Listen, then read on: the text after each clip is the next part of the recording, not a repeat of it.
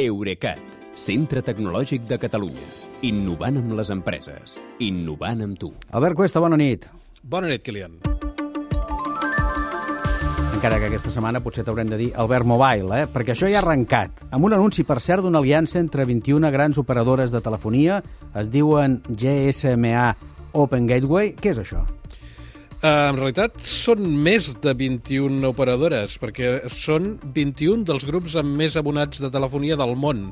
Uh, i n'hi ha d'Europa, d'Estats Units, de la Índia, Xina, Singapur, Emirats, Corea, Japó i Sud-àfrica. Aquest acord, l'Open Gateway, consisteix en adoptar tots, totes les operadores aquestes, un mateix protocol tècnic perquè els creadors d'aplicacions mòbils puguin incorporar-hi funcions a les seves aplicacions i dades que només té l'operadora mòbil, com per exemple l'estat de la targeta SIM, la verificació del número de mòbil, el nivell de qualitat de la connexió, si aquesta connexió és directa o és en itinerància, en roaming, o a quina xarxa està connectat al telèfon quan es troba en zones frontereres. D'aquesta manera esperen que surtin aplicacions noves fent ús dels serveis d'identitat, ciberseguretat i facturació de l'operadora. I com que el protocol d'accés és el mateix per totes les que hi participen, les aplicacions funcionaran amb la xarxa de qualsevol d'elles. Algun exemple d'això?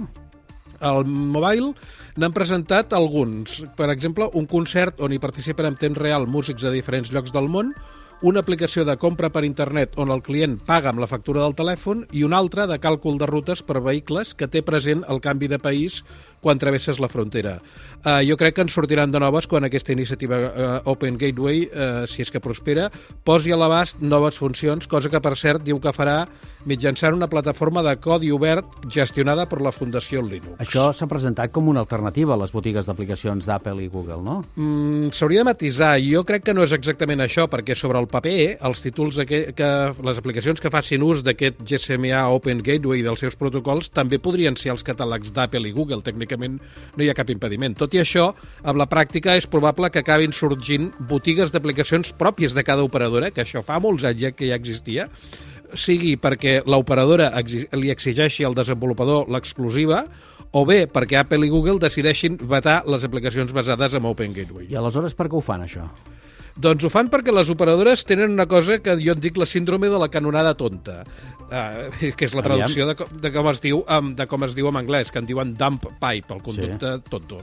Uh, les operadores sempre han trobat molt injust que siguin elles les que fan la inversió per desplegar xarxes i per ampliar-les i després que es limitin a transportar per les xarxes aquestes les dades d'altres sense treure'n cap benefici. Un exemple és que en els últims anys el volum de dades que transporten les telefòniques s'ha multiplicat per 10, però la seva facturació per usuari s'ha mantingut plana. Eh, amb un altre front, les telecos estan reclamant a les autoritats, i ho hem comentat més d'un cop, que obliguin els gegants digitals, diguis Netflix o diguis Google, a contribuir a les inversions que elles fan per ampliar xarxes. Però mentre això no s'acaba de resoldre, han anat traient l'Open Gateway aquest per animar els desenvolupadors a crear aplicacions que consumeixin serveis de les operadores, com dèiem, i que de pas els proporcionen algun ingrés. Em deies que aquest Open Gateway en realitat no és nou, sinó que recupera una idea que té més de 10 anys a mi em sembla molt significatiu que aquesta iniciativa l'hagi presentat en José María Álvarez Pallete, que és el president executiu de Telefònica, tot i que ho ha fet amb, portant el barret de president de GSMA, que també ho és. Uh, fa gairebé 11 anys que Telefònica, precisament, va provar de captar creadors d'aplicacions amb una plataforma molt semblant uh, a l'Open Gateway, que es deia Bluevia, i que també proporcionava accés als serveis de l'operadora, com per exemple enviar missatges SMS i compartint l'ingrés amb el creador de l'aplicació. Aleshores, allò no va funcionar perquè els creadors no els compensava adreçar-se només als abonats de Telefònica. Però ara que eh, Álvarez Pallete ha reclutat altres 20 grans grups de telecomunicacions i ha pogut posar eh, el prefix GSMA, la cosa jo crec que podrà ser diferent. Home, el prefix importa. Gairebé sempre, en aquest cas més, em sembla. Gràcies, Albert. Fins demà. Bona nit, Kelly. Fins demà.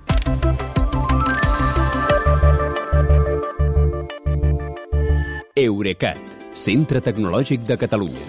Innovant amb les empreses. Innovant amb tu.